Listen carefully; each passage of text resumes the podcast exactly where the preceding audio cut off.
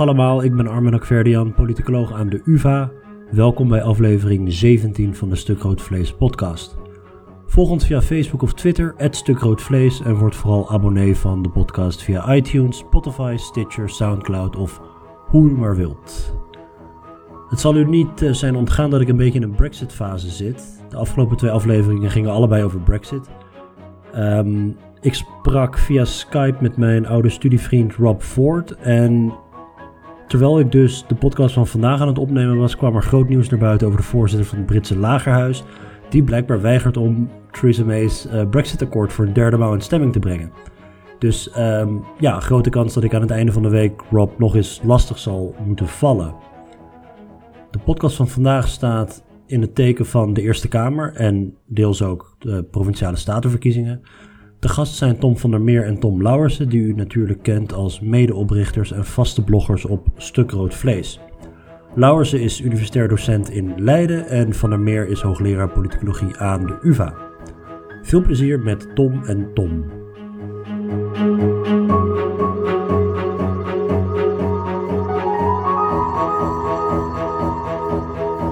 Oké, ik zit hier samen met de twee Tommen van Stuk Rood Vlees. Tom van der Meer, Tom Lauwersen. Welkom jongens. Dank. We gaan het uh, hebben over de Eerste Kamer vooral. Uh, aan het einde van het gesprek gaan we het ook nog even hebben over de provinciale statenverkiezingen. Um, misschien Tom van der Meer, als we bij jou beginnen. waarom kiezen we die Kamer niet rechtstreeks, de Eerste Kamer? Ja, je ziet eigenlijk elke verkiezing er heel veel kritiek op uh, komen. Waar, dat, dat die Eerste Kamer maar indirect wordt verkozen. Um, maar ik denk dat je een stap terug moet zetten en eerst moet kijken van waarom hebben we überhaupt een tweekamerstelsel? Er wordt al, al ja, eigenlijk sinds de oprichting van de Eerste Kamer gesproken over de afschaffing ervan. De kans dat de Eerste Kamer zichzelf gaat opheffen uh, met twee derde meerderheid is heel klein. Dus laten we maar even accepteren dat die er nou eenmaal is. En dan is de vraag natuurlijk welke rol speelt uh, zo'n zo zo Senaat, zo'n Eerste Kamer. En je kan drie rollen bedenken. Er zijn landen waar die een, een federaal karakter heeft. Dus dan is de Eerste Kamer de vertegenwoordiging van deelstaten. Dat doen we in Nederland niet we, verkiezen die Eerste Kamer wel via de provincies. Maar dat doen we wel weer zo evenredig mogelijk. Het is niet alsof uh, elke, elke provincie even zwaar weegt. Senatoren zitten er ook niet met een regionaal mandaat. Nee. Um, en, de, de tweede optie die we dan wel in Nederland hebben, is dat de Eerste Kamer een soort van uh, uh, tegenmacht is of een uh, antichambre, dat het een reflectief orgaan is dat nog eens een keertje opnieuw de wetten weegt op, op kwaliteit ja, dat zou dan de functie zijn van die, van die Tweede Kamer, of van die Eerste Kamer uh, in Nederland. En uh, de derde optie is dat je een, een, Eerste Kamer hebt, een Senaat hebt, die uh, eigenlijk exact hetzelfde heeft aan machtsmiddelen als, als het Lagerhuis. En in elk van die drie gevallen is het niet logisch om dan het Hogerhuis direct te verkiezen volgens dezelfde procedure. Dus als je een, een, een, federaal, um, een federale Senaat hebt, dan zou je eigenlijk verwachten dat je misschien wel direct stemt, maar dat elke staat of in Nederland de provincie evenveel zetels in het parlement zou hebben. Dus dat Flevoland en Zeeland even groot zouden zijn als Zuid-Holland en Gelderland. Ja. Um, als we, zoals in Nederland, uh, de Eerste Kamer vooral zien als een tegenmacht. En dat het primaat van de politiek moet liggen bij de Tweede Kamer. Ja, als je die Eerste Kamer direct gaat verkiezen, dan heeft hij zeker de helft van de tijd een, een, een recenter mandaat dan, dan de Tweede Kamer heeft. Dus elke keer als er dan de Eerste Kamer verkozen is, direct, dan heeft hij een recente mandaat van de kiezers. En dan zou je eigenlijk zeggen, ja, dan is die Eerste Kamer de plek waar het echte politieke debat moet plaatsvinden. Want daar worden dan de burgers het beste vertegenwoordigd. Dus dat gaat een beetje in tegen dat idee dat we hebben. En zelfs een derde optie, dat Italiaanse model, dat je twee kamers hebt die min of meer even machtig zouden zijn, is het nog steeds niet logisch om ze allebei op dezelfde manier te verkiezen. Uh, allebei ook direct te verkiezen. Want dat betekent dat je gewoon alles zit te dubleren. Dan heb je twee kamers die hetzelfde mogen en die hetzelfde zijn. En dan is het gewoon een, een, vertraging in je proces. Dus als je kiest voor een tweekamerstelsel, dan zou je ook moeten kiezen om, om ervoor te zorgen dat ze qua samenstelling, qua wijze van samenstelling, van elkaar verschillen. Ja, Tom, wat, uh, Tom Lauwersen. Wat uh, die, de, de Eerste Kamer heeft ook wetgevende en controlerende taken, net als de Tweede Kamer, maar het is allemaal veel minder vergaand, toch? Nou, als je, als je kijkt naar de uh, grondwettelijke rechten, zijn er natuurlijk dingen die de Eerste Kamer niet mag, maar uh, zoals amenderen van wetgeving is een belangrijke. Maar over het algemeen eh, is onze Eerste Kamer best een sterke uh, senaat. Want ze mogen wel alle wetgeving uh, verwerpen als ze dat willen. En dat is in een aantal andere landen niet het geval. Hè? Bijvoorbeeld in het Britse Hogerhuis. Die kunnen in feite alleen de wetgeving vertragen. Ehm, dus in, in dat opzicht is de Nederlandse Eerste Kamer best sterk. En mede om te voorkomen dan dat ze het uh, te veel politiek primaat zouden uh, uh, krijgen, wil je ze dan misschien niet ook nog een heel sterk direct mandaat geven. Want dan is er eigenlijk bijna niks meer wat ja. die twee kamers van elkaar, van elkaar scheidt. en ik denk dat ook als het gaat om de controle. is de positie van de Eerste Kamer misschien niet in het geschreven staatsrecht, maar wel in het ongeschreven staatsrecht wel iets anders. Hè? De, de, de, Formeel moet de regering het vertrouwen van de Staten-Generaal hebben. Maar in de praktijk komt dat er toch op neer dat die vooral in de Tweede Kamer eh, moet worden aangetoond. En in de Eerste Kamer zijn moties eh, van wantrouwen daarom ook zeer ongebruikelijk. recentelijk heeft de PVV er wel, uh, ze wel ingediend, maar er is eigenlijk nooit sprake van geweest dat, dat die aangenomen zou moeten worden. En ook in de formatie zie je dat dat minder zwaar meetelt. Wel zodat de regering de wetten erdoor kan krijgen die ze wil indienen. Maar niet zozeer dat de regering zelf echt gesteund moet worden door zo'n uh, door zo'n Eerste Kamer. En daar, daarbij past dan ook wel weer een wat zwakker uh, mandaat. Maar de, hoe uitzicht die controletaak dan van de Eerste Kamer?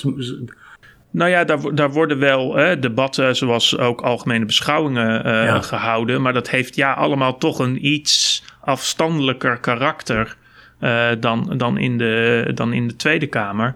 Juist omdat ze zich ook bewust zijn van het, uh, het risico van doublure, zoals uh, collega Tom van der Meer al zei. Want als zij precies gaan doen wat de Tweede Kamer ook al doet, ja. dan zal, zal de roep om het afschaffen van die Eerste Kamer natuurlijk ook steeds groter worden. Dus je ziet wel dat in, in die Eerste Kamer de nadruk toch vooral ligt op het wetgevingsproces.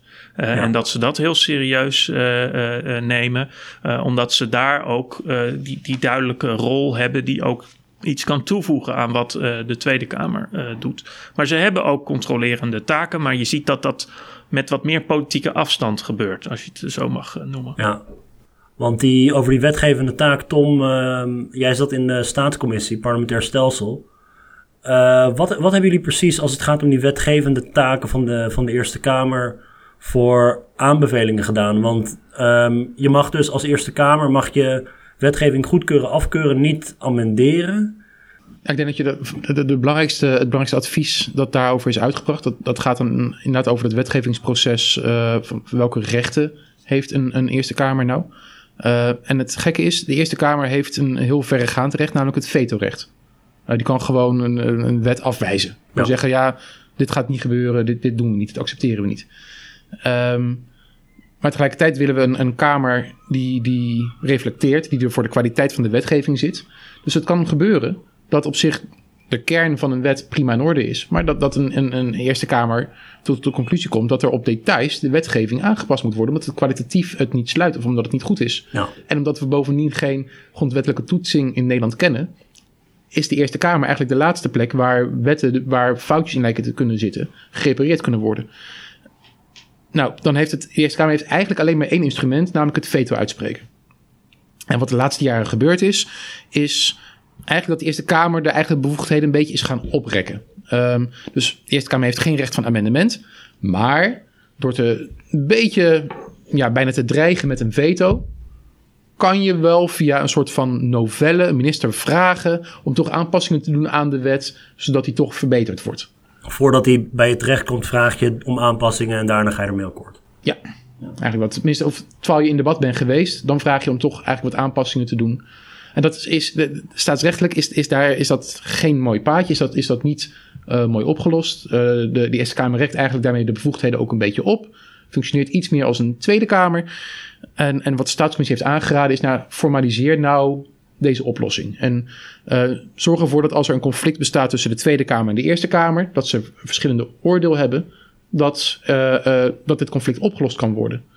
Um, zonder dat de, ja. de, Eerste Kamer al te vaak dat veto moet gebruiken. En dan is het voorstel een terugzendrecht. Dat de Eerste Kamer zegt, nou ja, op deze details moet het worden aangepast. En dit zijn onze voorstellen. Dat het voorstel dan teruggaat naar de Tweede Kamer, die nog steeds het politieke primaat van Nederland is. Ja. En die kan dan besluiten of ze wel of niet die aanbevelingen overnemen de verwachting is dat dat vaker zal gebeuren. Um, alleen als de Tweede Kamer dan dat heeft aangenomen, dan mag de Eerste Kamer niet vervolgens alsnog weer het veto uitspreken. Of als de Tweede Kamer zegt, ja, die aanbevelingen, allemaal leuk en aardig, maar dat gaan we niet doen. Mag de Eerste Kamer ook het veto niet meer uitspreken, want ze hebben het weer terug in handen gelegd van de Tweede Kamer. Dus ons voorstel is, de Eerste Kamer heeft voortaan dan naast het veto nog een extra mogelijkheid, namelijk een terugzendrecht. Maar als ze daar gebruik van maken, op die momenten geven ze hun veto over dat wetsvoorstel op.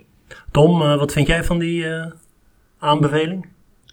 Nou, ik denk dat dat vooral voor uh, situaties waarin de meer technische problemen zich voordoen qua uitvoerbaarheid. Um, een goede oplossing kan zijn. Want als je nu zo'n novelle moet afwachten, uh, dan wordt de oorspronkelijke wet aangehouden in de Eerste Kamer. En moet je het hele wetgevingstraject opnieuw doorlopen voor zo'n novelle. En ben je dus zo weer een half jaar tot een jaar verder. Voordat die novelle in de Eerste Kamer ligt. En het nieuwe wetsvoorstel als geheel mm. kan worden aangenomen. En ja, als het om technische wijzigingen gaat. Ehm, er kan natuurlijk ook reparatiewetgeving worden beloofd. Maar dan moet je ook maar ervan van uitgaan dat dat gebeurt. Dus dat levert gewoon veel vertraging op. En in die situaties denk ik dat het een, een, een middel kan zijn.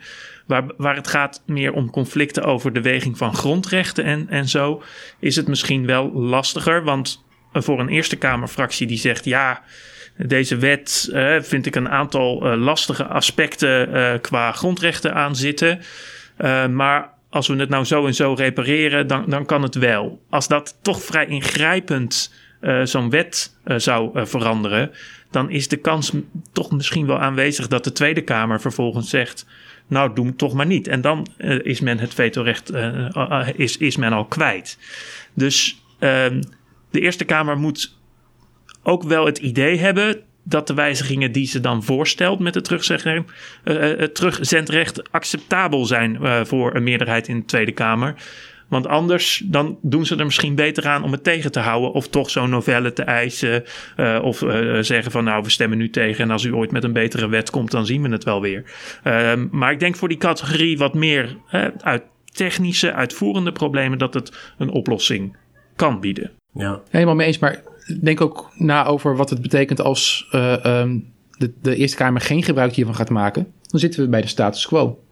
Dus zo'n verandering dat, dat geeft een extra instrument in handen. Dat kan het, zeker bij die technische uh, uh, aanpassingen, kan het helpen. Um, en als het anders niet gebruikt zou worden, ja, dan zitten we in de huidige status quo. Dan is er eigenlijk niks veranderd ten opzichte van nu. En uh, nog afgelopen week um, reageerde de huidige voorzitter van de Eerste Kamer, mevrouw Broekers-Knol, met het idee van ja, maar de Eerste Kamer moet, dit, moet hier niet mee akkoord gaan, want die moet wel het veto in handen kunnen houden. Maar stel je voor dat de Eerste Kamer in feite een recht van amendement krijgt, een terugzendrecht, en dan daaroverheen nog steeds het veto op diezelfde onderwerpen houdt. Dan is dat een, een forse versterking ja. van de positie van de Eerste Kamer in ons bestel. Ja. Um, terwijl het politieke primaat toch echt bij de Tweede Kamer ligt. Um, zowel staatsrechtelijk als, als in de praktijk, in, in, in de wijze waarop we stemmen. En ja, daar heeft de staatscommissie nadrukkelijk niet voor gekozen. Nee, die, um, dus voor mij als ik nadenk over dat, dat instituut van de Eerste Kamer, dan zijn er een aantal een inherente spanningen die er zijn tussen dat aan de ene kant op afstand staan en tegelijkertijd ook uh, gekozen worden. Want het is een volksvertegenwoordiging. En um, uh, aan, de, dus aan de ene kant kiezen we voor, uh, of laten we via de provinciale staten de Eerste Kamer kiezen. Het, is dus niet zoals de Raad van State of, of het is geen ongekozen orgaan. Uh, dat betekent dat er ergens ook in de afweging iets politieks moet zitten, anders hoef je geen verkiezingen te houden. Dus je hebt, je hebt aan de ene kant heb je dat ze afstandelijk moeten zijn en wetten op kwaliteit moeten toetsen. Tegelijkertijd is de volksvertegenwoordiging die gekozen wordt. Over het parttime karakter komen we straks nog te spreken, want dan we in dat, dat over die, die hele discussie over belangenverstrengeling. Maar is het nou, als je kijkt naar de Eerste Kamer, een politiek orgaan? Is het een chambre de réflexion, zoals wordt gezegd, uh, vaak wordt, wordt gezegd? wat is nou, hoe politiek is de Eerste Kamer en hoe afstandelijk is de Eerste Kamer?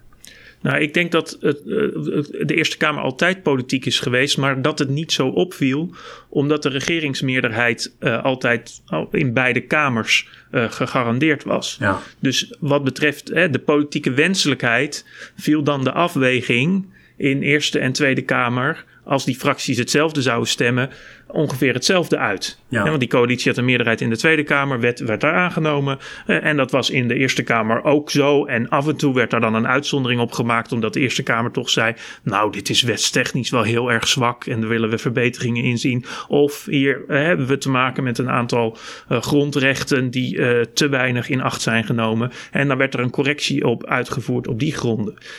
Maar de politieke afweging was er wel.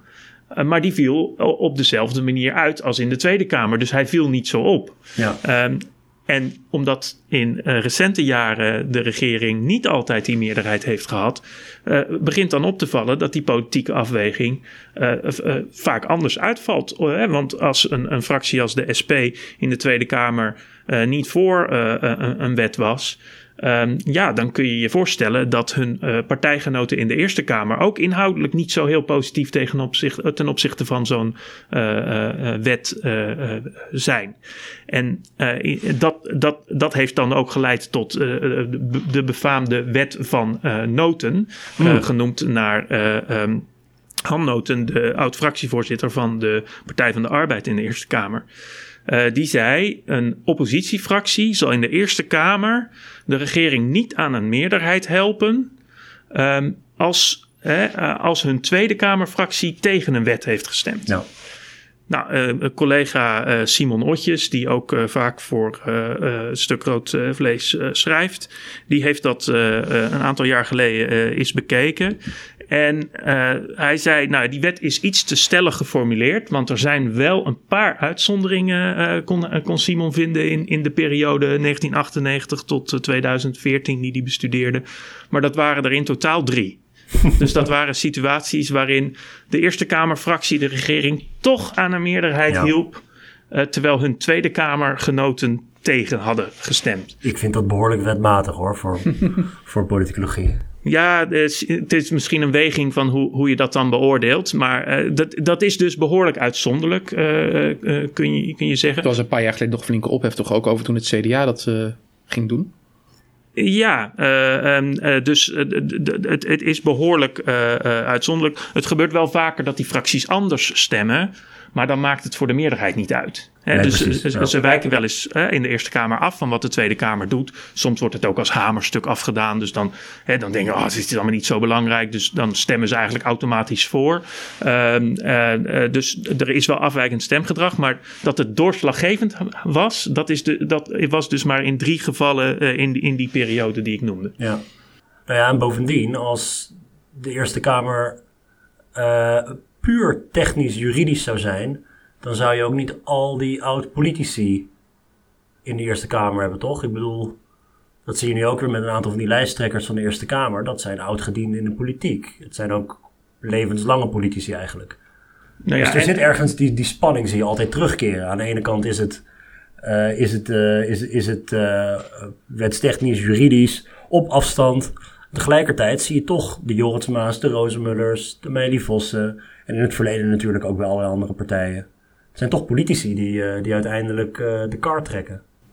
Ja, want als het puur technisch en juridisch alleen maar zou zijn, dan zou de Raad van State die ja. rol op zich kunnen nemen. En die doet dat in feite al, want die kijkt vooraf aan de behandeling in de Tweede Kamer al naar uh, dat soort wetstechnische en juridische uh, aspecten. Dat is natuurlijk alleen maar een advies, uh, maar dat wordt wel meegewogen ja. op dat moment. Ehm, dus dat geeft ook al aan dat als het puur dat zou zijn, dan, dan heb je daar misschien geen volksvertegenwoordigend orgaan uh, voor nodig. Dus, uh, en de Eerste Kamer is dat wel. En dan zie je dus dat er ook politici uh, in komen. Dus het is altijd een combinatie van, van, van rollen. Die, die ze daarin hebben. Maar het zijn overigens wel politici die zelf ook iets meer afstand tot de dagelijkse politiek hebben genomen. Hè? Dus dat, dat kun je er die, wel. Die afscheid hebben genomen van de dagelijkse politiek en toch één been in het binnenhof blijven houden. Ja, dus die. Ben ik dan te cynisch? Nou, misschien wel, maar uh, nou ja, misschien ook niet. uh, ja, maar ze, ze, ze staan iets meer op afstand van uh, de dagelijkse kwestie en de dagelijkse debatten. Ja. En vanuit een bepaald perspectief kun je dat misschien ook wel, uh, wel gezond uh, noemen. Maar als je dan kijkt naar de inhoudelijke afweging die ze maken, lijkt die toch wel vaak heel erg op wat er in de Tweede Kamer uh, gebeurt. Maar, en dan wordt het volgens mij ook vooral relevant dat je ziet dat inderdaad die samenstelling van de Eerste en de Tweede Kamer ook steeds vaker is gaan verschillen. Ja. Dus wat, wat Tom net al aangaf, is, is dat de, de regering tegenwoordig niet meer vanzelfsprekend een meerderheid heeft in allebei de kamers. Dus met name de Eerste Kamer. Uh, dat komt mede ook omdat de samenstelling van de Tweede en Eerste Kamer steeds meer zijn gaan variëren.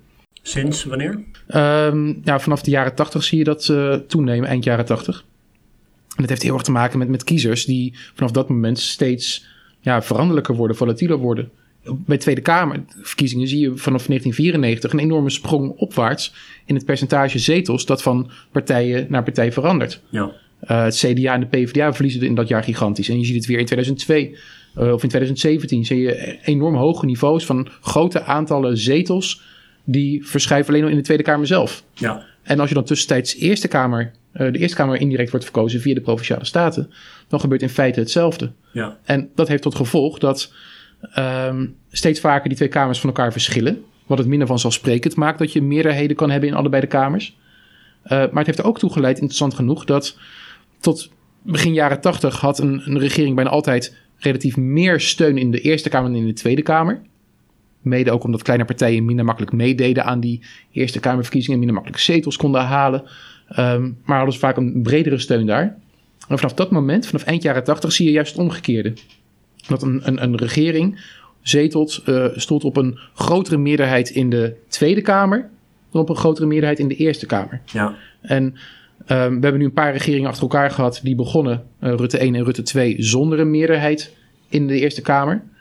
En ja, ze hoopten die nog wel te krijgen, maar uh, een andere stelregel is zo langzamerhand wel geworden dat als je gaat regeren, met name als junior partner, ja. dan is het bijna onherroepelijk dat je gaat verliezen uh, bij de volgende verkiezingen. Um, ChristenUnie lijkt nu een uitzondering te kunnen zijn. De eerste zo'n beetje sinds Bolkestein in 1998. Uh, maar als je gaat regeren, dan is de kans op verlies aanzienlijk. Um, dus Rutte 1 heeft die meerderheid nooit gekregen. Rutte ja. 2, VVD, PvdA, heeft die meerderheid niet gekregen die ze van tevoren al niet hadden. Ja. En Rutte 3 had een krappe meerderheid die eigenlijk relatief gezien even groot was in de Tweede als in de Eerste Kamer. Net genoeg om een meerderheid te halen. Ja, je kon anderhalf jaar geleden er al wel gevoeglijk van uitgaan dat de kans dat je die meerderheid in de Eerste Kamer ging behouden, ja. dat die wel heel klein was. En dit gaat waarschijnlijk de eerste regering worden die zijn meerderheid in de Eerste Kamer gaat verliezen. Dus we hebben vaker regeringen gehad die nooit een meerderheid hebben gehad in de Eerste Kamer. Ja. Maar dit wordt de eerste, in ieder geval in, in, in, in, uh, in deze uh, laatste honderd jaar, die een meerderheid had in de Eerste Kamer, maar die kwijtraakt gedurende de rit. Ja, je hebt natuurlijk ook dat die Eerste Kamer die heeft vaste termijnen. Um, en op het moment dat jij de provinciale statenverkiezingen, waar de Eerste Kamerverkiezingen aan gekoppeld zijn, als je die tegelijkertijd houdt met de Eerste Kamerverkiezingen, dan krijg je waarschijnlijk min of meer dezelfde uitslag gespiegeld in elkaar. Mm -hmm. uh, maar dat is tegenwoordig niet zo. Volgens mij sinds wanneer is het mid jaren tachtig wordt, wordt om de vier jaar worden die provinciale statenverkiezingen gekozen, eraan gekoppeld de Eerste Kamer. Wanneer Tweede Kamerverkiezingen zijn, dat is totaal afhankelijk van, uh, nou, van, van de politiek van de dag. En dan krijg je dus soms situatie waarbij er jaren tussen de verkiezing van de Eerste en de Tweede Kamer kan zitten. En dan krijg je dus inderdaad dat volatiliteitsprobleem van... Uh, uh, ja, als, je, als jij op de ene verkiezing op, op GroenLinks stemt, de andere op D66, dan kan het best zo zijn, gezien de timing, dat jij switcht. Mm -hmm. En Nee, de kans is groter dat je verschillen ziet als er grotere tijd tussen zit. Maar zelfs als er heel weinig tijd tussen is, kan het flink dan verschillen. Kan het ook verschillen. Denk, denk, aan wat de PvdA overkwam in 2006. In het voorjaar stonden ze in de peilingen op 60 zetels. Ze hadden uh, een, een, een, enorme hoeveelheid uh, zetels voor de gemeenteraadsverkiezingen in het voorjaar. En in het. Zes keer zoveel als nu. ja. Nou, nee, hoeveel staan ze nu? Staan ze op 10 ton? Ietsje meer. Hou jij de peiling een beetje bij, Tom? Of, uh? ja, ik vind uh, soms, uh, soms kijk ik ernaar. Ja. Maar, nee, maar vervolgens een paar maanden later, met, toen de Tweede Kamerverkiezingen waren, toen, toen, toen, haalden ze iets meer dan de helft van dat. Dus zelfs op zo'n korte termijn kan het nog flink variëren. En in de peilingen, als we de peilingen bekijken, Tom, dan het is vrijwel zeker dat ze een meerderheid gaan verliezen, toch? Ja, de regering? als de peilingen er niet uh, het allermeeste naast zitten van de, van de laatste twintig jaar, ja. dan uh, kunnen we daar wel van uitgaan. Want ze staan nu, de coalitiepartijen samen in de Eerste Kamer, op zo'n 10, 11 zetels verlies. Ja. Um, hè, en dat zijn dus, als je het omrekent naar Tweede Kamerzetels, uh, zo'n 20 uh, zetels. Dat geeft al wel aan. Ja. Um, dat is wel heel lastig goed te maken. En ze mogen er niks verliezen. En dan moeten ze alleen maar winnen. Hè, en dus dan moeten alle fouten in de peilingen ook hè, voor dat hele blok één kant op werken. dus ja, de, de kans is gewoon ontzettend klein dat ze dat, dat, ze dat nog gaan, gaan halen. Ja. ik had het net al over die, die parttime functie van, ehm, van Eerste Kamerleden. Daar is een hoop over te doen. Dus ik heb ehm, uh, Tom, toen ik met jou en Ruud Code sprak over de staatscommissie. Toen Ruud Code was lid van de staatscommissie, oud uh, Partij van de Arbeidssenator. En toen ik hem vroeg over die nevenactiviteiten en bijbaantjes, zei hij dus heel terecht: Eerste Kamerlid is het bijbaantje. Um, Veel Eerste Kamerleden hebben andere banen. Soms één baan, zoals Ruud zelf, hoogleraar hier en, en daarnaast Eerste Kamerlid. Het komt veel vaker voor dat mensen veel verschillende soorten banen hebben waarvan de Eerste, Kamer, uh, Eerste Kamerbaan er één. Dus het zijn parttime politici. Ze komen bijeen op dinsdag. Uh, waarschijnlijk was het, hij zei waarschijnlijk nog een halve dag uh, voorbereiding of zo. Anderhalve dag in de week, maximaal twee dagen in de week. En um, ja, voordat we hierover praten, wilde ik even kort een aantal uh, punten hierover oplezen van Follow the Money. Daar hebben Dievertje Kuipers en Kim van Keken, die hebben een, een aantal hele mooie stukken erover geschreven over die nevenfuncties van de Eerste Kamer. Dus um, een veelgehoord argument voor, de, voor die voor, dat pleit voor die deeltijdsenatoren, is dat ze dan met één been in de samenleving zouden staan. Zoals ze dat zelf volgens mij ook heel graag zeggen. En Follow the Money die heeft dus gekeken naar, even kijken, 439 nevenfuncties. En um, heel veel daarvan zijn bestuursfuncties, meer dan de helft ervan. En advieswerk zit er ook heel veel bij. En er wordt dus heel veel gestapeld. Dus een derde van de senatoren heeft vijf of meer functies. En D66, CDA, SGP zijn bijbaantjeskampioen met een gemiddelde van zes nevenfuncties per senator. Um, ook, ook interessant, uh, de leden van de Eerste Kamer houden nevenfuncties maar slordig bij. Het reis- en geschenkenregister van de Senaat blijft angstaanjagend leeg. Hoe groot is dit probleem van die belangenverstrengeling uh, in, in de Eerste Kamer? Het risico op belangenverstrengeling? Ik denk, denk dat het. Uh, het, is een serieus risico. Het is een serieuze tekortkoming dat, dat daar niet stevig genoeg mee wordt omgegaan. Kijk, um, als we opnieuw eerst kijken naar waarom hebben we uh, dit type uh, uh, parlementsleden, dus deeltijdspolitici zoals, zoals je ze noemt. Um, je kan twee redeningen daaraan ophangen. de ene is, dat zijn mensen die in de praktijk werken en die daarom hun expertise meenemen naar het parlement. Ja ja, dat schuurt wel een beetje als vervolgens nu in reactie op, op alle ophef uh, door diezelfde uh, um, ervaringsdeskundige senatoren wordt gezegd: ja, maar op die punten waar ik mogelijk dubbele belangen heb, daar ben ik geen woordvoerder. Want ja, die expertise die je meeneemt naar de Kamer ga je dan juist niet inzetten. Dat, dat, is, dat schuurt.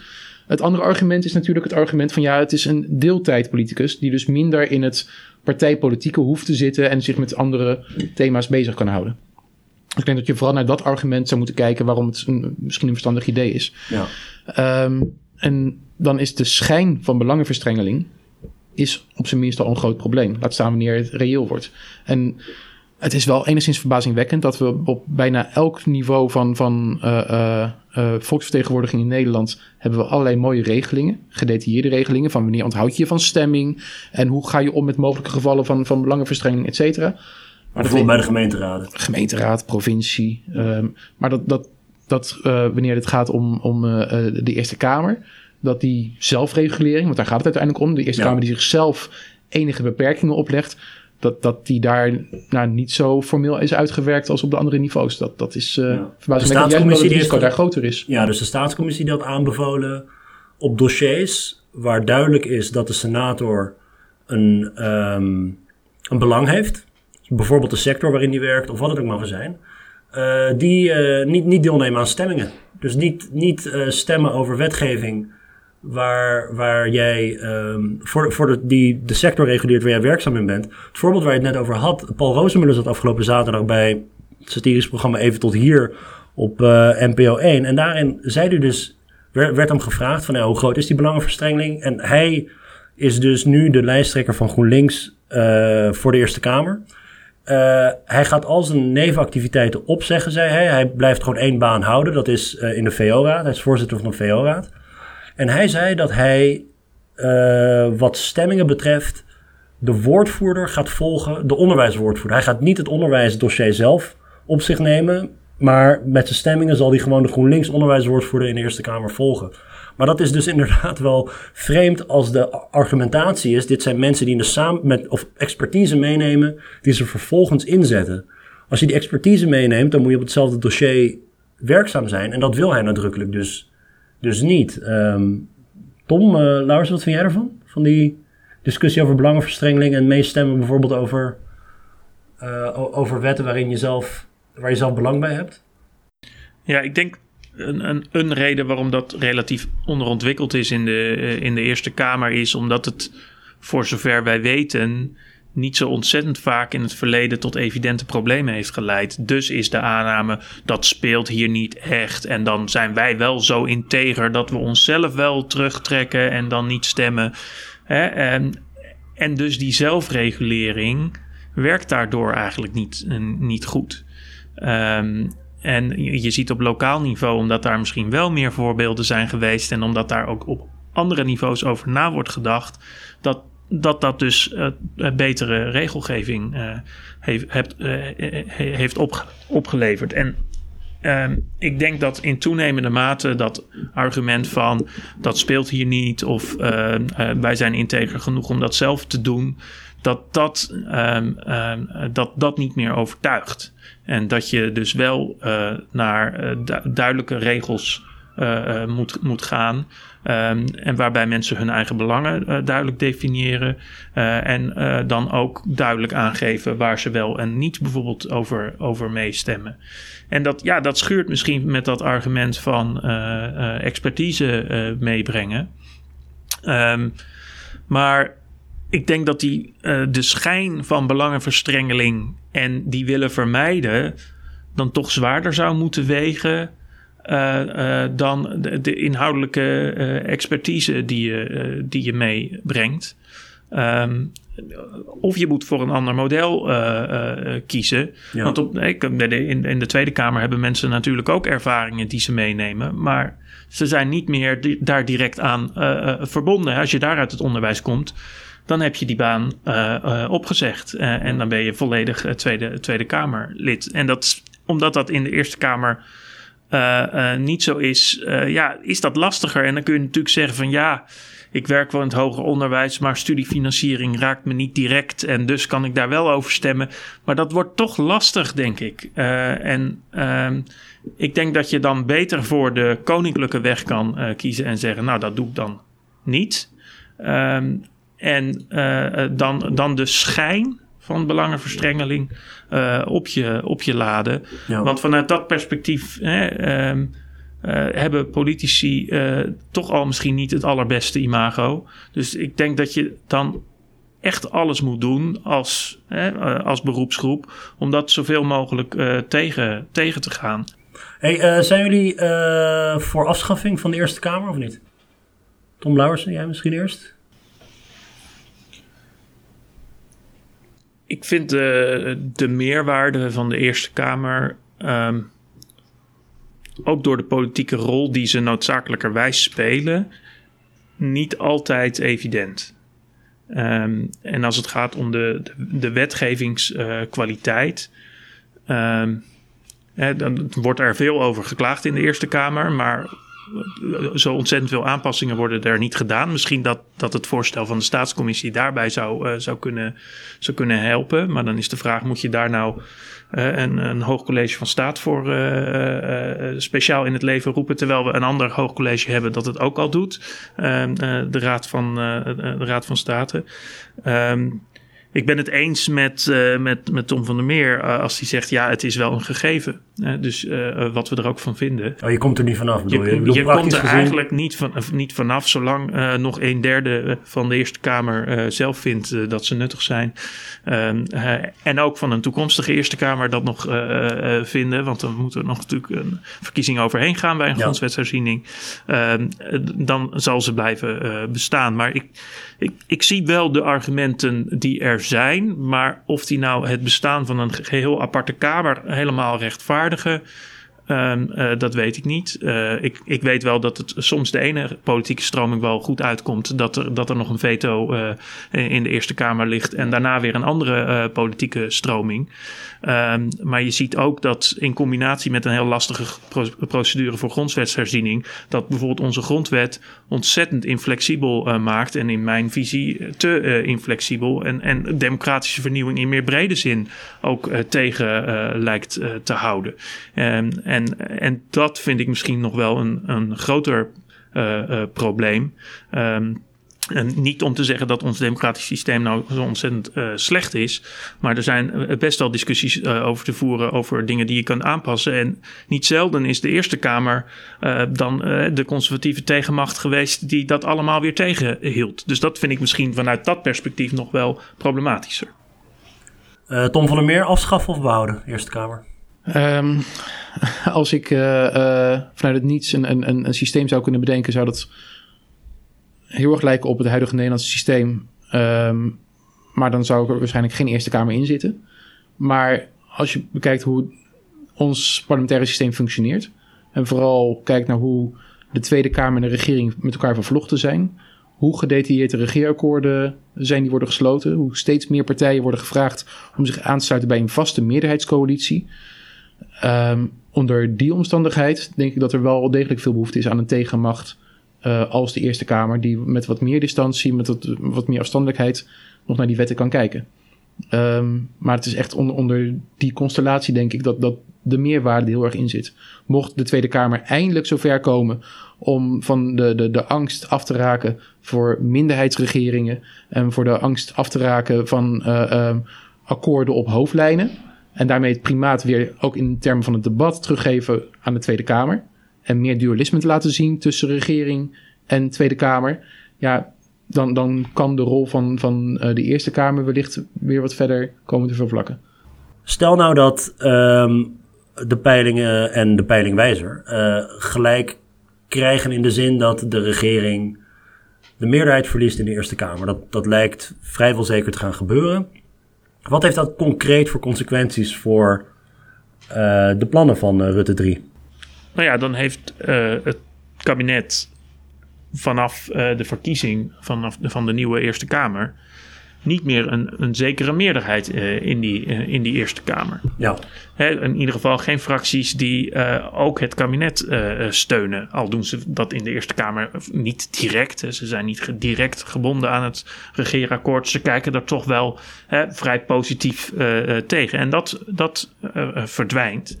En het vorige kabinet, Rutte 2, dacht aan het begin van zijn zittingsperiode nog wel... nou dat loopt zo'n vaart niet, want die Eerste Kamer die kijkt toch met afstand uh, naar die wetgeving. En dan, uh, dan als, we, als we gewoon goede wetten maken en een beetje rekening houden met het sentiment, dan kunnen we wel een meerderheid krijgen in de Eerste Kamer. En dat liep eigenlijk op het eerste, de beste, meer politiek gevoelige onderwerp, uh, liep dat spaak. Um, en toen moest Rutte gaan onderhandelen met, met verschillende partijen. En die deed dat steeds op elk onderwerp opnieuw. Maar het, de coalitie die we later hè, de C3 zijn gaan noemen, de constructieve drie, hè, die, die bleven vaak toch wel over. Ja. Uh, hè, dus er kwam een soort informeel uh, uh, samenwerkingsverband tot, tot stand. D66, ChristenUnie en SGP. Inderdaad. Um, en de vraag is of er nu partijen te porren zijn om weer zoiets te gaan doen. dus op regelmatige basis gaan samenwerken met het kabinet. Um, er zijn eigenlijk twee partijen die daar misschien het meest voor in aanmerking komen. Ook gezien de, uh, het vrij grote gat tussen uh, het aantal zetels wat verwacht wordt voor de coalitie en de meerderheid. Uh, en dat zijn Partij van de Arbeid en GroenLinks. En misschien zijn ze allebei wel nodig om aan die meerderheid te komen. En um, zij hebben eigenlijk allebei wel laten doorschemeren dat ze daar dat ze positief aan kijken tegen een vorm van samenwerking op onderwerpen, maar geen zin hebben in een soort informele gedoogconstructie. Nee. Um, dus, uh, en, en als je kijkt naar hoe vaak uh, Partij van de Arbeid en GroenLinks in de afgelopen anderhalf jaar wetten hebben gesteund. Uh, van de, de regering, dan zie je dat dat 96% was in de Eerste Kamer. Dus dat zijn 36% van de wetsvoorstellen van de regering hebben zij gesteund. Ehm, en dat, dat, dat was meer dan sommige andere oppositiepartijen. Maar daarbij moet je je wel bedenken dat heel veel van die wetgeving behoorlijk technisch is. Um, en dat ze toen in een situatie waren dat uh, de meerderheid eigenlijk al gegarandeerd was. Dus dan kon je nog wel tegenstemmen om een punt te maken. Maar dat, dat zit niet zo in de Nederlandse politieke cultuur om dat te doen. Maar Partij van de Arbeid en GroenLinks weten ook dat op het moment dat ze echt nodig zijn voor een meerderheid, dat er wat te eisen valt. Ja. En daar zal Rutte dus opnieuw, net zoals onder uh, zijn tweede kabinet, op een of andere manier dan gehoor aan moeten geven. Uh, en de, de veranderingen die de coalitie aankondigde op het gebied uh, van klimaat na de doorrekening, die laten ook al zien dat ze eigenlijk aan een soort voorsorteren zijn op zo'n mogelijke samenwerking. Ja, en uiteindelijk krijg je dan dus in de Eerste Kamer een gigantische ja, ik wil niet zeggen middencoalitie, maar. Nou, weet ik, waarom is een het, je, kan, je kan het ook een, een, een bredere basis voor serieus debat gaan, gaan noemen. Nou ja, je hebt eigenlijk de, de partijen die er niet bij zitten, laten we het zo bekijken. Dat zijn Partij voor de Dieren, SP, 50PLUS, DENK, PVV, Forum. Toch allemaal een beetje de uitdagers. En dan heb je werkelijk alle uitdagers te buiten. Mm En alle op GroenLinks na hebben. Voor de rest, de Partij van de Arbeid is natuurlijk jarenlang bestuurspartij. Dat, het, het heeft, het heeft het geen, uh, geen uh, risico's van. Um, ja, hier, heb je weer de, hier heb je weer de kartelpartijen. Als we kijken naar de vorige um, regeerperiode, dus, dus Rutte 2, um, ehm, dan zag je dat toen waren er wat bijna vastere gedoogconstructie. Uh, constructies. En dan zag je dat D66 uh, deed eraan mee, die won. ChristenUnie deed eraan mee, die won bij de volgende verkiezingen. GroenLinks enigszins, won ook. Eh, SGP, die verloor in ieder geval niet. Dus het hoeft niet per se ertoe te leiden dat, dat kiezers dan massaal weggaan. Als je maar duidelijk kan blijven maken wat de onderlinge verschillen zijn en welke punten je binnenhaalt. En ja. ik denk dat zo'n standpunt dat, wat GroenLinks en, en PvdA lijken in te gaan nemen, uh, namelijk zich niet a priori te binden aan een heel pakket, maar wel op onderwerpen duidelijk maken van ja, hier valt met ons te praten en, en dan, dan valt er misschien wat, wat te halen. Dat, dat kan werken. Ja. Samenwerken is het probleem niet. Compromissen sluiten is ook het probleem niet. Als je maar elke keer laat zien waarom en dat je niet aan vast zit en wat je ermee wil bereiken. En ja, het, het, zou volgens mij pas een probleem zijn als het inderdaad een, een, een formele gedoogconstructie gaat worden. Zoals met, uh, met Wilders uh, in, in 2010 gesloten is in de, in de Tweede Kamer. Ja, dat, dat ben ik uh, uh, wel, wel eens met, met Tom. Uh, en ik denk dat dat onderscheid heel belangrijk is. Ehm, want uh, bij een volgende verkiezing wil je toch ook weer duidelijk hebben wat, wat de verschillen zijn. En als in de ogen van de kiezers al die partijen eigenlijk min of meer gecommitteerd waren aan het kabinetsbeleid. Uh, al dan niet uh, direct als coalitiepartij of indirect als een soort informele gedoogpartij. Dan zal, zullen misschien veel kiezers zeggen van ja, daar valt eigenlijk niet echt goed iets uit te kiezen. En ik, ik ga maar weer mijn heil zoeken bij partijen meer op de flanken. Um, en misschien hebben die kiezers dan ook wel een punt als ze dat, als ze dat doen. En dan krijg je dus het, het probleem wat, wat Rudy Anderweg wel de vervaging van oppositie uh, noemt. Hè, van wie is nou de oppositie en wie is nou de regering? En wat, wat valt er dan bij een volgende verkiezing te kiezen? En ik denk dat dat wel een, een, een reëel probleem is. En dat je dus daarom als eventuele partij die steun geeft op onderwerpen heel duidelijk moet zijn dat dat op bepaalde onderwerpen zit, dat er geen deals tussen onderwerpen worden gedaan. Want dan krijg je al snel het idee van je steunt de hele boel als je maar een paar puntjes uh, binnen, uh, binnenkrijgt. Um, en je eigen uh, positie en je eigen verhaal daarnaast uh, zou, zou kunnen houden. En het zou bovendien ook nog sterker zijn als je op het ene onderwerp wel en het andere onderwerp niet meedoet met zo'n met zo'n samenwerking. Bijvoorbeeld in de vorige periode eh, heeft eh, GroenLinks op één onderwerp wel meegedaan. Waarvan ze zeiden dat is in lijn met ons verkiezingsprogramma. Dus het zou ook raar zijn om daar dan ineens te zeggen: nu stemmen we daar tegen omdat we niet in de regering zitten.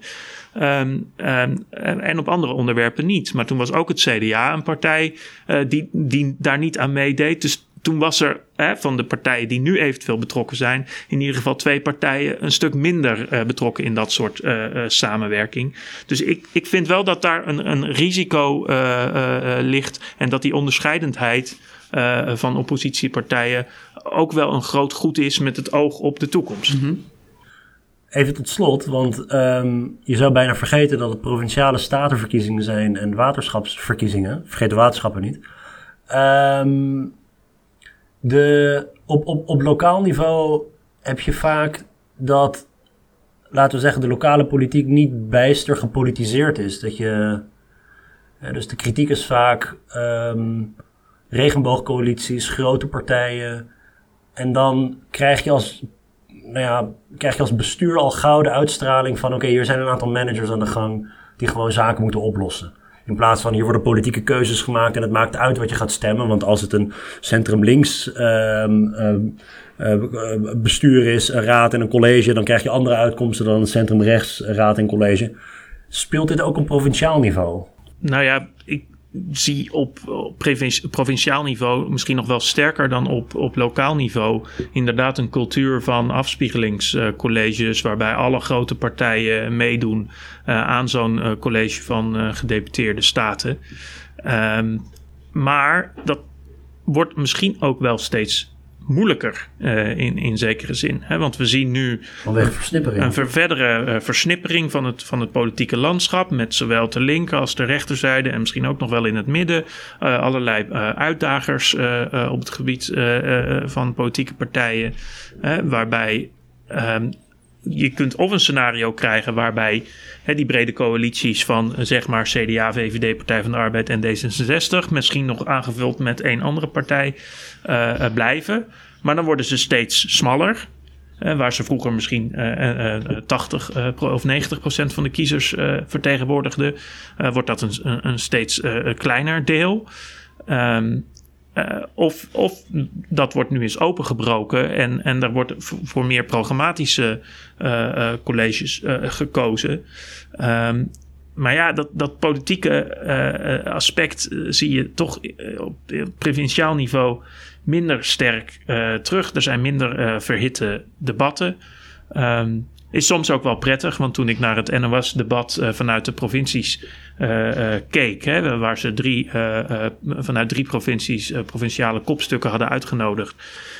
was dat soms dat je zegt een beetje provinciaal in de zin van het zijn niet zulke scherpe debaters als op Tweede Kamerniveau. Maar ik vond dat eigenlijk ook soms wel heel prettig, omdat het de inhoud erg voor, voorop stond. maar dat, dat draagt ook bij aan een cultuur waar een consensuscultuur van een beetje geven, een beetje nemen. Ehm, en dat is aan de ene kant misschien heel uh, plezierig. Aan de andere kant uh, loop je dan het risico, zoals je zegt, dat het steeds meer als een soort technisch bestuur wordt gezien. Waarbij uh, wordt gezegd, ja, het maakt niet zoveel uit wat ik stem, want er komt toch weer zo'n brede, brede coalitie. En eigenlijk de enige rol die ik nog weggelegd zie voor de provinciale staten is die van kiescollege van, van de Eerste Kamer. Ja. En vervolgens klagen we weer dat het niet over provinciale onderwerpen gaat. Dus ja, ik, ik, ik, ik, ik denk dat het misschien wel lastig is om daaruit te ontsnappen. Um, maar ja, als je wil dat mensen uh, ergens voor gaan kiezen, dan moet je ook iets te kiezen aanbieden, denk ik. Ja. Hier wreekt zich ook natuurlijk wel een beetje dat. Um, wat zo mooi is, vind ik dan in ieder geval dat aan de Eerste Kamer dat we die indirect verkiezen. Um, dat, dat is eigenlijk voor, voor de provinciale staten is dat vervelend. Ja. Um, want ja, daarvoor geldt bij de provinciale statenverkiezing moet je met één stem drie dingen doen. Je moet stemmen voor de provinciale staten. Um, indirect wil je eigenlijk ook stemmen voor de Eerste Kamer. En de provinciale staten die bepalen ook weer wie de gedeputeerde staten zijn. Dus dat moet je ook nog een keer meenemen. Dus je zit met uh, um, de volksvertegenwoordiging, de vorming van de macht op provinciaal niveau en de volksvertegenwoordiging in de Senaat. Alle drie tegelijkertijd in één stem. En ja, dan betekent dus dat nationale voorkeuren gaan een belangrijke rol spelen in die stem voor de provinciale verkiezingen. Dat maakt het weer nog moeilijker voor de provinciale staten om duidelijk te maken ja, welke keuzes er daadwerkelijk zijn. Want het wordt altijd verwaterd door het nationale niveau. Dat zien we ook in alle debatten op tv. Uh, ja. Eigenlijk als we eerlijk zijn. En, en ja, daardoor gaan anti-partijsentimenten die op nationaal niveau spelen, die gaan daarmee ook op provinciaal niveau uh, ja, doorwoekeren. Goed, heel erg bedankt, uh, heren. Uh, Tom van der Meer, waar kunnen de mensen jou volgen op Twitter? Ja, op Twitter. Uh. Tom WGVD meer. Dank. Ja. Yes, dat is hem volgens mij. Dat is hem. Waarom weet ik die uit mijn hoofd? Uh, Tom Lauwersen? Het Tom Lauwersen. Het Tom Lauwersen. Goed, uh, ja, we zullen zien op verkiezingsavond. Bedankt voor het luisteren. Tot de volgende keer.